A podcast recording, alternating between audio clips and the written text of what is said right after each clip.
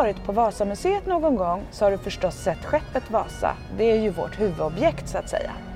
Hon är en ståtlig dam och imponerande men kanske kan upplevas som ganska murrig. Hon är ju väldigt brun. Men så såg hon inte ut på 1600-talet. Då var hon målad i sprakande färger och var ju byggd för att i alla fall delvis berätta om vilken storartad nation Sverige var. Och det manifesterades också i en rik färgpalett. Om det och en hel del annat ska det här avsnittet handla om i Vasamuseets podd med mig, Katrin Rising. Nu tänkte jag att vi ska fördjupa oss i själva skulpturerna. Det finns flera hundra skulpturer på och i skeppet Vasa och det kanske kan kännas lite väl mycket på ett krigsfartyg, eller? En som vet det mesta om det, det är du Anna Maria Forsberg som är docent i historia och forskare här på Vasamuseet. Hej Anna Maria! Hej! Kan du berätta, vad spelade konsten på Vasa för roll? De här skulpturerna tillmättes ju uppenbarligen väldigt stor betydelse i samtiden för man la ju enorma resurser på att utsmycka skeppet på det här sättet. Och jag tror att de skickade flera signaler. Den som alla kunde koda av som var väldigt enkel var det här är ett jättestort, jättedyrt, jättepåkostat skepp och den som har byggt det måste vara en väldigt mäktig person. Det var väldigt uppenbart när man såg guldet och allt bling-bling och all eh, fin kvalitet som det var. Och på skeppet så finns ju massor av eh, bibliska gestalter, romerska kejsare, mytologiska väsen och så vidare och så vidare. Och vi kan nog inte räkna med att alla förstod allt. De som var riktigt bildade, de kunde kanske se att mm, ja, där är ju Proteus och där är den och där är den. Men för många stannade det kanske på att man kände igen några gestalter och framför allt blev imponerad av att det var så storslaget. Hur många skulpturer är det allt som allt? Det här räknar vi på med jämna mellanrum. Vi brukar säga runt 700 skulpturer och min kollega Fred räknade nyligen fram att det är 460 skulpturer som föreställer människor eller djur. Och till det kommer då eh, över 200 ornament och liksom små eh, dekorativa eh, element. Men runt 700 skulpturer totalt brukar vi säga. Och hur kommer det sig att det är så fruktansvärt många? Det fanns ju en tradition i Europa att utsmycka de här skeppen väldigt mycket. Skeppen var prestige objekt, De skulle naturligtvis fylla en funktion som militära skepp och skjuta på fienden. Men de var ju också skrytbyggen som skulle imponera och visa hur viktig man var. Och skeppen hette sånt som Sovereign of the Seas, och liksom, så man försökte imponera med coola namn, med coola skulpturer, med mycket guld och i Vasas fall då överflöd av skulpturer. Jag brukar tänka att man skulle kunna ta bort hälften av skulpturerna, det skulle ändå kännas som att det var fullt nästan. Kan du eh, berätta lite mer om vad det är för olika motiv och teman? Det eh, finns ju några sådana här teman som är liksom politiska kan man säga. Och de finns framförallt i galjonen och på akterspegeln. I galjonen, där, eh, alltså allra längst fram på skeppet i fören, det har vi det stora galjonslejonet som kastar sig fram. Och bakom honom så finns 20 romerska kejsare, fast vi har bara 19 kvar idag, men de var 20, 10 på varje sida. Och det intressanta är att det är alla kända romerska kejsare från och med Augustus, men Augustus är inte med. Och det beror på att man har gjort en lek här, att det är galjonslejonet, det symboliserar Augustus och Augustus är en symbol för Gustav Adolf. Man gjorde vid den här tiden gärna en ordlek med hans namn, att Gustavus Adolphus, det gick att kasta om till Augustus. Och Augustus han var den första romerska kejsaren. Han var den som blev känd för Pax Romana, att efter att ha krigat en väldig massa får man säga, så skapade han ändå någon sorts inbördes fred. Så han var liksom en förebild och här ville man visa att precis som Augustus var också Gustav Adolf en fantastisk härskare längst bak på skeppet, på akterspegeln, där gestaltas också Gustav Adolfs makt. Man ser den unge Gustav Adolf få sin krona och jag tror att det här föreställer när han blir myndig 1611. Hans pappa har precis dött och egentligen skulle inte han bli myndig förrän han var 24 år. Men ständerna bestämmer att han ska få bli myndig när han bara är 16. Och han står i den här scenen, man ser att han får eh, kronan av två gripar och jag tänker alltså att de symboliserar hans döda pappa som var eh, hertig i Sörmland och Sörmland har gripen som landskapsvapen. Och så håller han ut armarna över folket och han både skyddar folket och tar stöd mot folket. Och det här motsvarar ganska bra den här situationen 1611 när han kommer med sin kungaförsäkran och lovar att ta hand om folket. Men en sak som jag tycker är spännande med den här scenen är att Gud inte är med. Gud är ju nästan alltid med i sådana här sammanhang. Man säger att Gustav Adolf är kung med Guds nåde. Om man tittar på propagandaplanscher från 30-åriga kriget då är det alltid en liten solstråle som lyser ner på kungen från himlen som symboliserar Gud. Så jag har helt enkelt börjat fundera på om vi saknar en sol på akterspegeln. Men det finns ju också massor med skulpturer som är svårare att säga vad de betyder. Grotesker, masker, eh, nereider, tritoner. Skeppet är ju översållat med sådana här grejer och det hör också till tiden. Om man tittar på palats från den här tiden, Makalös i Stockholm till exempel som byggdes på 1640-talet, så är det också massor med lejon och maskaroner, grotesker och riddare och prylar. Så det, Vasa är väldigt mycket i sin tid på det sättet. Jag blir nyfiken nu Anna Maria när du berättar om de romerska kejsarna. Hade folk på den här tiden koll på det eller vänder sig just kejsarsymboliken till en annan målgrupp? Jag tror att kejsarna är ett jättebra exempel på att skeppet ju vänder sig liksom till människor på flera olika nivåer. Och här tror jag att man pratar med den bildade eliten. De som hörde till adeln, de kunde sitt romarrike för de fick plugga det jättemycket, de unga adelspojkarna. Medan folk i gemen kanske inte kände till det. Men man har också lite hjälp där, man ser inte det så bra nu, men det stod ett namn under alla de här kejsarna. Så under Titus så står det fortfarande, kan vi se bokstäverna, Tuss på slutet.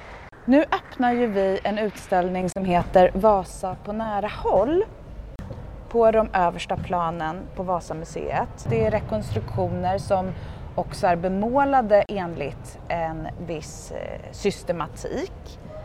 Kan du säga något om skulpturerna i utställningen? Ja, det som är så roligt med den här utställningen är att vi får en chans att visa hur skulpturerna såg ut. De var målade i bjärta färger och att vi har kunnat ställa ut dem i rummet så att man verkligen kan komma nära. Man kan gå runt dem och verkligen se vilka härliga knalliga färger det handlar om men också vilket fint hantverk. För det ska man veta att bildhuggarna som gjorde skulpturerna på Vasa, det var den, den yttersta liksom, eliten. Det var också de som gjorde de fina skulpturerna till kyrkorna lite olika adelspalats. Så att det var inte vilka som helst. Och det är en oerhört hög kvalitet på skulpturerna och det var också en oerhört hög kvalitet på måleriet. Vilka var bildhuggarna? Vi vet att en tysk bildhuggare som heter Mårten Rettmer var involverad. Han finns på lönelistor och han har också gjort andra saker i Stockholm. Han har gjort delar av orglar som finns bevarade, inte, inte i Storkyrkan där de var då utan i andra kyrkor, men de finns ändå kvar. Eh, skulpturer i Gamla stan. Han har gjort kopparmatte som nu finns på Stadsmuseum. Så det är roligt med honom att man kan faktiskt jämföra skulpturerna på skeppet med andra saker som han har gjort. Han var en ganska framstående person i staden. Sen har vi också ett annat namn som är Johan Thiesen. Han var också en framstående bildhuggare. Och sen har vi en som heter Klausink som vi vet lite mindre om. Men de var ju arbetsledare och jätte, jätteduktiga experter. De har förmodligen gjort det som är det mest komplicerade att göra. Ansikten och eh, väck och snygga ornament och sånt där. Sånt som var riktigt kvalificerat och sen har de haft massor med medhjälpare. Jag tänkte att vi skulle prata om en skulptur som är väldigt populär hos våra besökare och särskilt hos våra lite yngre besökare och det är den som föreställer en polsk adelsman som gömmer sig under ett bord. Och på skeppet så går den bara att se för den sjöman som sitter på någon av Vasas toaletter ute på galjonen. Kan du berätta lite mer om den skulpturen? Ja, men när jag började här och fick höra att ja, men den där eh, skulpturen som, den sitter liksom hoptryckt under en bänk eller ett bord och liksom kurar ihop med stora mustascher. Ja, det där är en polack så tänkte jag, ja men hur har man kommit fram till det? Men det är ju Hans Sop som har studerat det här noga och han har väldigt goda argument för tittar man närmare på den här skulpturen då ser man att den här eh, gestalten har en pannlock, en stor mustasch och en lång rock. Och det här är nog en sopan som det hette, en typisk polsk klädedräkt. Och att man ville driva med polacker på skeppet, det är ju inte så konstigt för Sverige och Polen hade ju vid det här laget varit i krig oerhört länge. Och Sigismund, som faktiskt var kusin till Gustav Adolf, de två kämpade ju om den svenska tronen. Men det är lite roligt tycker jag det här med att det är ett budskap som vänder sig inåt mot besättningen. Ett av de få faktiskt, för de flesta skulpturerna de vänder sig ut från skeppet, man ser dem inte ens om man är ombord. Men den här förnedrade polacken som kryper, honom ser man väl. Och det här går tillbaka på en tradition som fanns i Polen vid den här tiden, att om man gjorde bort sig då kunde ens kamrater tvinga en att krypa ner under ett bord och skälla som en hund för att liksom eh, ja, visa att man bad om ursäkt helt enkelt. Och det är förmodligen det som den här stackars mannen gör. Han ligger där under bordet och skäller. Jag vet att flera här på museet tycker att eh, han ser ut som Tom Selleck i Magnum. ja, det finns en viss likhet. Men jag vet, Anna-Maria, att du är oerhört förtjust i en liten skulptur som föreställer en bondkvinna och eh, vi visar den här skulpturen faktiskt på flera ställen på Vasamuseet. Kan du berätta mer om den och vad vi vet om den och vilket sammanhang där den här kvinnan figurerar. Eh, jag berättade ju om scenen på akterspegeln där Gustav Adolf får sin krona och att han lutar sig mot elva gestalter eller skyddar elva gestalter. Och de här gestalterna, de har tolkats som Sveriges folk. Och jag tror också att det är en representation av Sveriges folk. Men det som är så otroligt spännande är att det är sex kvinnor och fem män. Jag har aldrig sett tidigare en representation av folket på 1600-talet som inkluderar några kvinnor överhuvudtaget. Men här har man valt att säga att det här är svenska folket. Svenska folket består av präster, av soldater, men också av adelskvinnor, borgarkvinnor och bondkvinnor. Och det där är faktiskt lite häpnadsväckande. Och tittar man då på den här specifika lilla skulpturen, det är alltså två bondkvinnor, en på varje sida. Men den som vi har uppmålad här i utställningen, hon är också speciell för att hon är ju lite av en karikatyr. Hon har stor byst, hon är lite trubbnäst, hon ser lite småsur ut och jag i alla fall tolkar detta som en ganska bra bild av överhetens syn på bönderna. De är enkla människor som inte är sådär hemskt smarta kanske, men man behöver dem och de är också en del av folket. Förutom den här bondkvinnan, vilken eller vilka av skulpturerna på Vasa tycker du är mest intressant? Jag är väldigt fascinerad av eh, de här David och Gideon på akterspegeln och de är ju bibliska gestalter som alla människor i Sverige vid den här tiden hade full koll på, för det var någonting man pratade mycket om i kyrkorna. Och båda tror jag symboliserar delvis samma sak, nämligen att även om man är svag och liten, även om man har få vapen, så kan man vinna mot en överlägsen fiende om man har Gud på sin sida. Så det är liksom den, det budskapet de eh, ger, att Sverige har Gud på sin sida och Sverige kommer kunna klara sig i kriget. Det finns så otroligt många spännande skulpturer på Vasa så det är ju svårt att, att välja. Men även de två Herkulesgestalterna som finns på akterspegeln. Herkules blir ju en symbol på 1600-talet för det här att välja det rätta och att inte göra fel. Sen finns det några skulpturer som ingen nästan ser, som jag älskar, som jag tänker att jag ska ta reda på mer om någon gång. Och de är längst ner på akterspegeln så är det faktiskt långsmala kvinnogestalter som liksom håller upp hela skeppet. Och de är ganska svåra att se, så de uppmärksammar vi inte så ofta. Um, Du har varit inne lite på det redan med budskap på tre nivåer. Du berättade om polacken som egentligen bara vänder sig inåt mot skeppet, de andra skulpturerna är utåt och vi har varit lite grann inne på det, vilka som förstod de här kejsarna, en bildad elit. Men David och Gideon som du berättade om, var, var det fler som förstod dem? Vilka är de här tre nivåerna och, och vilka skulpturer vänder sig till vilka? Jag tror att liksom på den mest generella nivån så fanns det här, wow vilket jättestort skepp med jättemånga kanoner och jättemycket guld och jättestora skulpturer. Eh, det kunde alla förstå. Det här är en maktmanifestation, det här är en mäktig person som har kunnat göra det här. Men jag tror också att de flesta människor i Sverige kunde avkoda de bibliska gestalterna som finns, David och Gideon, för de har väldigt tydliga attribut. David har sin harpa och eh, Gideon har sina män med sig och de har ju facklor och musikinstrument. Man kunde också se att det var den unge Gustav Adolf högst upp, för det står till och med G-A-R-S, Gustav Adolf Rex Svesie, alltså Gustav Adolf Sveriges kung. Så det tror jag också var någonting man kunde se. Och dessutom finns riksvapnet där och Vasavapnet och det tror jag också var bekanta symboler för de allra flesta.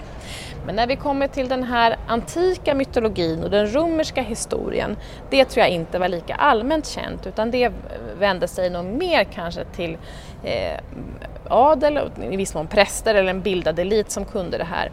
Och jag tror att vissa saker var, var så komplicerade att inte att knappt någon förstod det. Då kanske det var så att man behövde en vippvisning av den som hade tänkt ut alltihop som kunde peka och säga ja, titta vad sofistikerad jag var där, det hade du inte kunnat räkna ut. Va? Och vi känner ju till, om man till exempel tar Versailles som ju byggdes lite senare, men det gavs ju ut en guidebok till Versailles för att man skulle kunna förstå alla tjusiga allegorier och symboler och så vidare. Så man var nog inte främmande för det här att man behövde inte förstå allt. Och nu när du nämner bok om Versailles, då kommer jag naturligtvis in på att Vasamuseet precis gett ut en bok som du är redaktör för, som heter Skulpturerna på Vasa. Kan du berätta lite mer om den? Ja, vi vet ju att det finns ett så stort intresse för skulpturerna. Så nu har vi gjort en bok med fantastiska nytagna bilder av Anneli Karlsson. Och det är dels några kapitel som forskare har skrivit där man får veta mer om tiden, man får veta mer om hur ovanligt var Vasa egentligen? Niklas Eriksson beskriver nämligen om andra skepp, hur de var utsmyckade. Och så skriver Johan Eriksson om Vasa ett konstvetenskapligt perspektiv. Han jämför med samtida byggnader till exempel och kyrkor och sådär. Hur ska vi förstå skulpturerna? Peter Tångeberg som ju har lett det här fantastiska projektet om Vasas färger skriver om det. Och han och Hans-Peter Hedlund är också med i en intervju och berättar hur man har målat eh, de här kopiorna. Och slutligen så skriver Fred Hocker som är forskningsledare här på Vasa om det praktiska arbetet. Hur gjorde man egentligen? Vilka var de här bildhuggarna och hur gick det till när man gjorde skulpturerna? Det är del ett av boken och sen är del två, där porträtterar vi 18 favoritskulpturer eller skulpturgrupper så då får man veta allt om det vi har pratat om idag. Romarna och galjonslejonet och polacken och David och Gideon och Proteus och svenska folket och allt det där eh, är med i boken. Och nu nämnde du Proteus och det kan jag avslöja är faktiskt min favoritskulptur och som av en händelse så råkar vi ju stå vid Proteus just nu.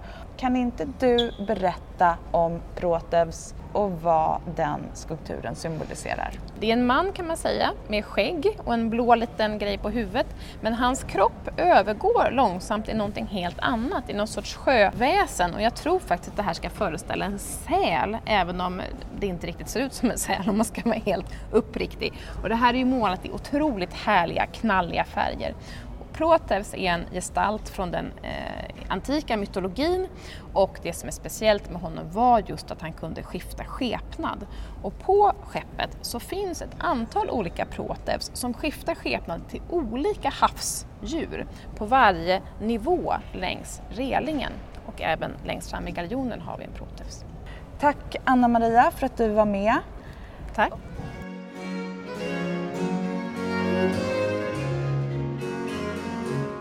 Just nu står jag i eh, den nya utställningen Vasa på nära håll och här finns det flera skulpturer i fina färger som är en del av utställningen.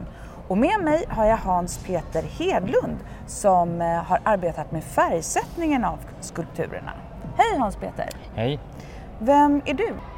Jag är målerikonservator och jag har varit anställd i 30 år på Riksantikvarieämbetet. Sen har jag också en fil. kand. i konstvetenskap.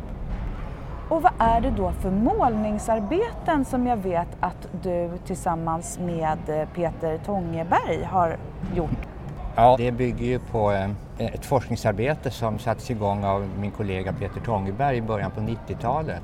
När Vasa bärgade så hade man inte haft någon klar uppfattning av hur eh, skulpturerna hade varit målade från början och hela fartyget för övrigt. Men eh, i den mån man gjorde några noteringar, det var ju när man hittade spår av förgyllning och man drog då slutsatsen att eh, eh, all skulptur hade varit förgylld. Och där blev det då fram till början på 90-talet. Den här undersökningen den visade att skulpturerna istället hade varit eh, brokigt målade i alla möjliga färger som var det vanliga vid den tiden under en konstinriktningsperiod som kallas för manierismen, början, slutet på 1500-talet, början på 1600-talet. Hur trogna är de här skulpturkopiorna originalen när det gäller färgsättning? Jag kan säga så mycket som att alltså de här analyserna som gjordes, de gav ju en hel del resultat men inte fullständigt resultat naturligtvis, inte för någon skulptur. Om man hittar rött på en del av en skulptur så vet man bara att det var rött just på det stället. Därför att alla skulpturer var målade i en mängd olika färger och det har inte gått att få fram hur, exakt hur någon skulptur var målad men på det sätt de var målade har man fått fram. Så att på avstånd så, så motsvarar det säkert det ursprungliga intrycket. Men om man går in på varje enskild skulptur, om man nu hade facit, då skulle man kanske se att det var vissa andra kulörer som man hade använt och så vidare. Men helhetsintrycket ska vara det riktiga. Vad är det för färger som har använts? Ja, dels så gav ju analyserna en hel del resultat. Det visade att man hade använt samma sorts färgpigment som man använde inom stafflimåleriet eller tavelmåleriet vid samma tid. Skarpt röda färger, man hade hittat cinnober till exempel som är en skarpt röd färg och eh, auripigment, en mineral som man mal. Och just auripigment är ju då en, en, en, ett gult pigment som ska ersätta guld i vissa fall och det har det gjort också.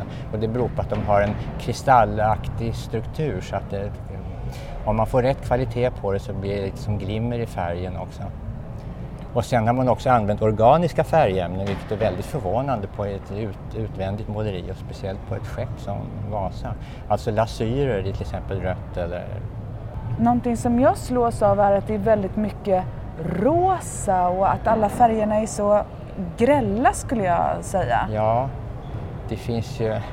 Man har ju använt en färgskala som man inte skulle välja själv om man gjorde det nu. Men, men, om man går till tavelmåleriet som, som ju är bäst bevarat, alltså jag kan bara säga att det inte är mycket bevarat att jämföra med från den här tiden. För senare perioder har man inte tyckt om den här, eh, de här färgställningarna som man ansåg var brutala och råa och smaklösa. Så man har målat över väldigt mycket och förstört det på olika sätt. Men eh, det finns ju kvar altartavlor och predikstolar och annat från den här tiden som, som är bevarade ursprungligt skick och där kan man ju se den här, de här färgskalan. Men så, när man går då till tavelmåleriet så eh, är det ju mer oförstört kan man säga. Och där har man ju då italienska konstnärer som Pontormo och framåt, även Michelangelo för Sixtinska kapellet. Han var ju väldigt tidig, han var nästan introducerad i den här grälla färgskalan i Sixtinska kapellets tak. Vad spelar de här färgerna för roll för skulpturernas symbolik? Ja, det finns en viss hierarki i färgsättningen. De viktigaste skulpturerna har ju varit förgyllda, som till exempel riksvapnet, Vasavapnet i stora delar det färg också. Och sen har vi ju då eh, mytologiska figurer som eh, ofta, eh, de kan ha haft, om de har skägg så kan det ha varit förgyllt och så vidare jämfört med vanliga människor då, där har eh, förekommande skägg det kanske varit målade i gult eller någonting. Så det, det, det finns en viss hierarki där i färgsättningen. Och hur har själva målningsarbetet gått till? Är det till exempel speciella färger som ni har använt? Det färgmaterial vi har använt det, det är ju det som numera kallas för traditionell linoljefärg. Det var det som gällde utomhus i vart fall. Och det, det var inte någon större skillnad på det, det färg den oljefärgen som de använde då och den vi kan använda idag. Är det, någon, är det någon skillnad?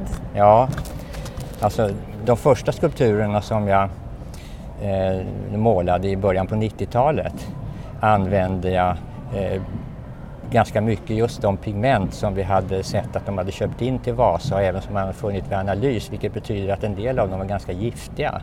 Och numera i andra tider nu då ska man helst inte använda sånt så jag har fått lov att ersätta det med andra färger. Vi har till exempel den här cinobern som är en kvicksilversulfid och som är giftig. Eller auripigmentet då som också är, det är en arseniksulfid. Och det har man ju kanske velat undvika det. Och för att inte tala om blyvitt. Men i någon mån så, eh, ja man kan ju ersätta dem där genom att använda andra pigment numera men, men det är inte säkert att de åldras på samma sätt. Ja. På 1600-talet var det samma personer som målade skulpturerna som skulpterade dem? Alltså det tror jag faktiskt inte att man vet riktigt. I vissa fall kan det nog ha varit det men, men ofta var det säkert särskilda målare som man eh, anlitade för det.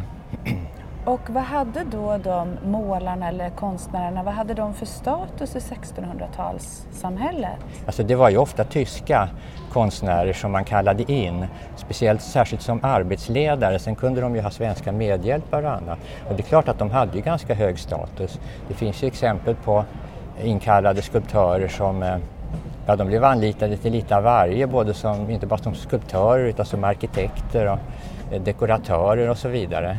Och går man lite längre fram i tiden, och man tänker på Ehrenstrahl som var den mest kända eh, konstnären i slutet på 1600-talet. Han blev ju hovmålare, han blev ju adlad till och med.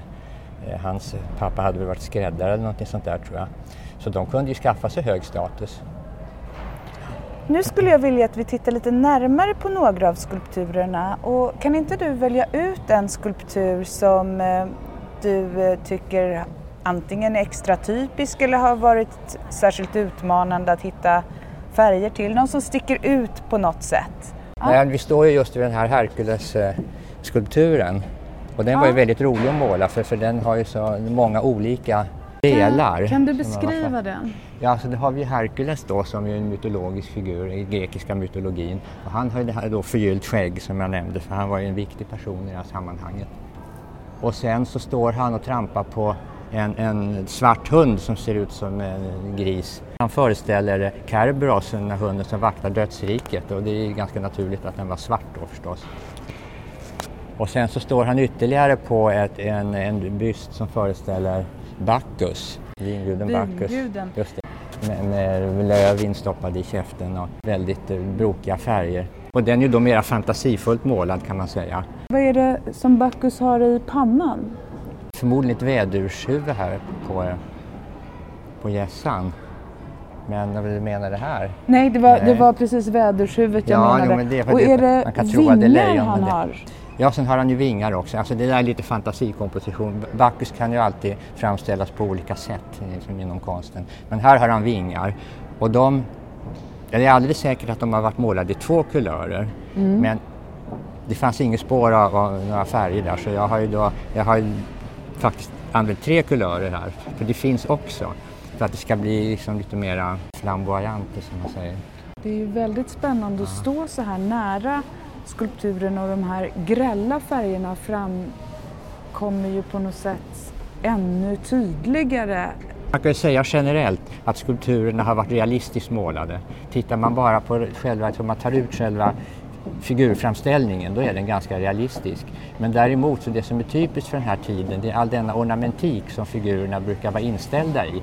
Och de kan ju vara hur brokigt målade som helst. Det, det hör till stilen. Den här skulpturen av Herkules är väl ungefär två meter lång, eller hög kanske jag ska säga. Var på skeppet var den placerad? Ja, den här har suttit på, i ena hörnet på akterskeppet. Så att den har kunnat ses från två håll så att säga. Tror, och då kan man se på Herkules originalet på skeppet utan färger och sen i utställningen Vasa på nära håll hur skulpturen var bemålad. Vi kan titta på den där polacken där ja, borta men det gör vi. Um, här har vi en eh, spännande skulptur som eh, lite slarvigt brukar benämnas på lacken under bordet. Kan du berätta mer om den? Ja, den här menar man att den ska föreställa en, en besegrad polack som har gömt sig under ett bord. Och den har suttit på förskeppet faktiskt, inte i akten som de flesta andra. Och den här är ett bra exempel på, på eh, Eh, hur vi har resonerat när det gäller färgsättningen för till dels så är, ger den sig själv. Han har ju på sig en klädedräkt, det ska vara en kaftan, som är röd och det har den alldeles säkert eh, varit från början för det, det, kan man se på en mängd målningar av polska krigare att de hade sådana röda klädedräkter. Och till det hade de då gula skor, så där har vi liksom färgsättningen. Sen kan man ju konstatera att de flesta skulpturer eh, som föreställer människor de, har, de är blonda på fartyget, även om nu är förgyllt eller gulmålat hår. Men här har vi då svarta mustascher. Och eh, då kan man tänka sig att de tyckte att det var exotiskt. Men sen det här eh, bordet som de kallar det för, fast det är lite otydligt vad det föreställer, men det är någon slags galler som omger honom här. Och det är gulmålat. Och eh, det kan ju se lite konstigt ut, men och det fanns inga färgspår där heller, men det fanns färgspår av liknande eh, listverk på fartyget som tycks ha varit genomgående gult och då borde det här också ha varit det så då har man åtminstone något fog för att göra det gult. Men sen har vi på insidan här, jag har målat ljusblå men det är, liksom, det, det är mitt påhitt för att det kunde ju inte gärna vara gult för då hade man inte sett någon skillnad, det kunde inte flyta ihop med det röda här och, så man får liksom resonera lite så. Tillsammans med Tångeberg så gjorde vi från början skisser också, vi hade ju eh, kopior som vi tecknade av av skulpturerna som vi färglade på olika sätt för, för att liksom komma överens om vad som kunde vara rimligt. Och då kan jag ju också nämna att den här skulpturen eh, syns när manskapet sitter på toaletten längst framme i galjonen. Så det är ju som en extra förnedring mot fienden, polacken. Vad har varit det mest spännande i den här eh, processen? Det mest spännande det har ju varit kanske att se eh, hur skulpturerna har framträtt så som de var avsedda att ses eh, ur denna eh, gråbruna massa som, som, som, det var från början när de bärgades. Och för, först när de blev färgsatta på det sätt som vi menar är riktigt så då, då, då förstår man vad, vad de hade de här skulpturerna till. Ja, vad var de till för? Ja, som skulpturer betraktat så, så hade de ju en, en ikonografisk funktion. Eh, så det skulle anspela på Gustav II Adolf och, och, Sverige som den ledande nationen i Nordeuropa och så vidare. Men, men, det här med ikonografin, det är ju också något som är under utredning. För det var, det var ett genomtänkt program, det kan man vara alldeles säker på. Att skulpturerna eh, representerade vissa figurer som hade en sekundär funktion i hel helheten. Tack! Och tack till alla er som har lyssnat. Om du är nyfiken på andra föremål i Vasamuseets samlingar så tycker jag att du ska fortsätta följa oss, till exempel genom att prenumerera på podden. Hej då!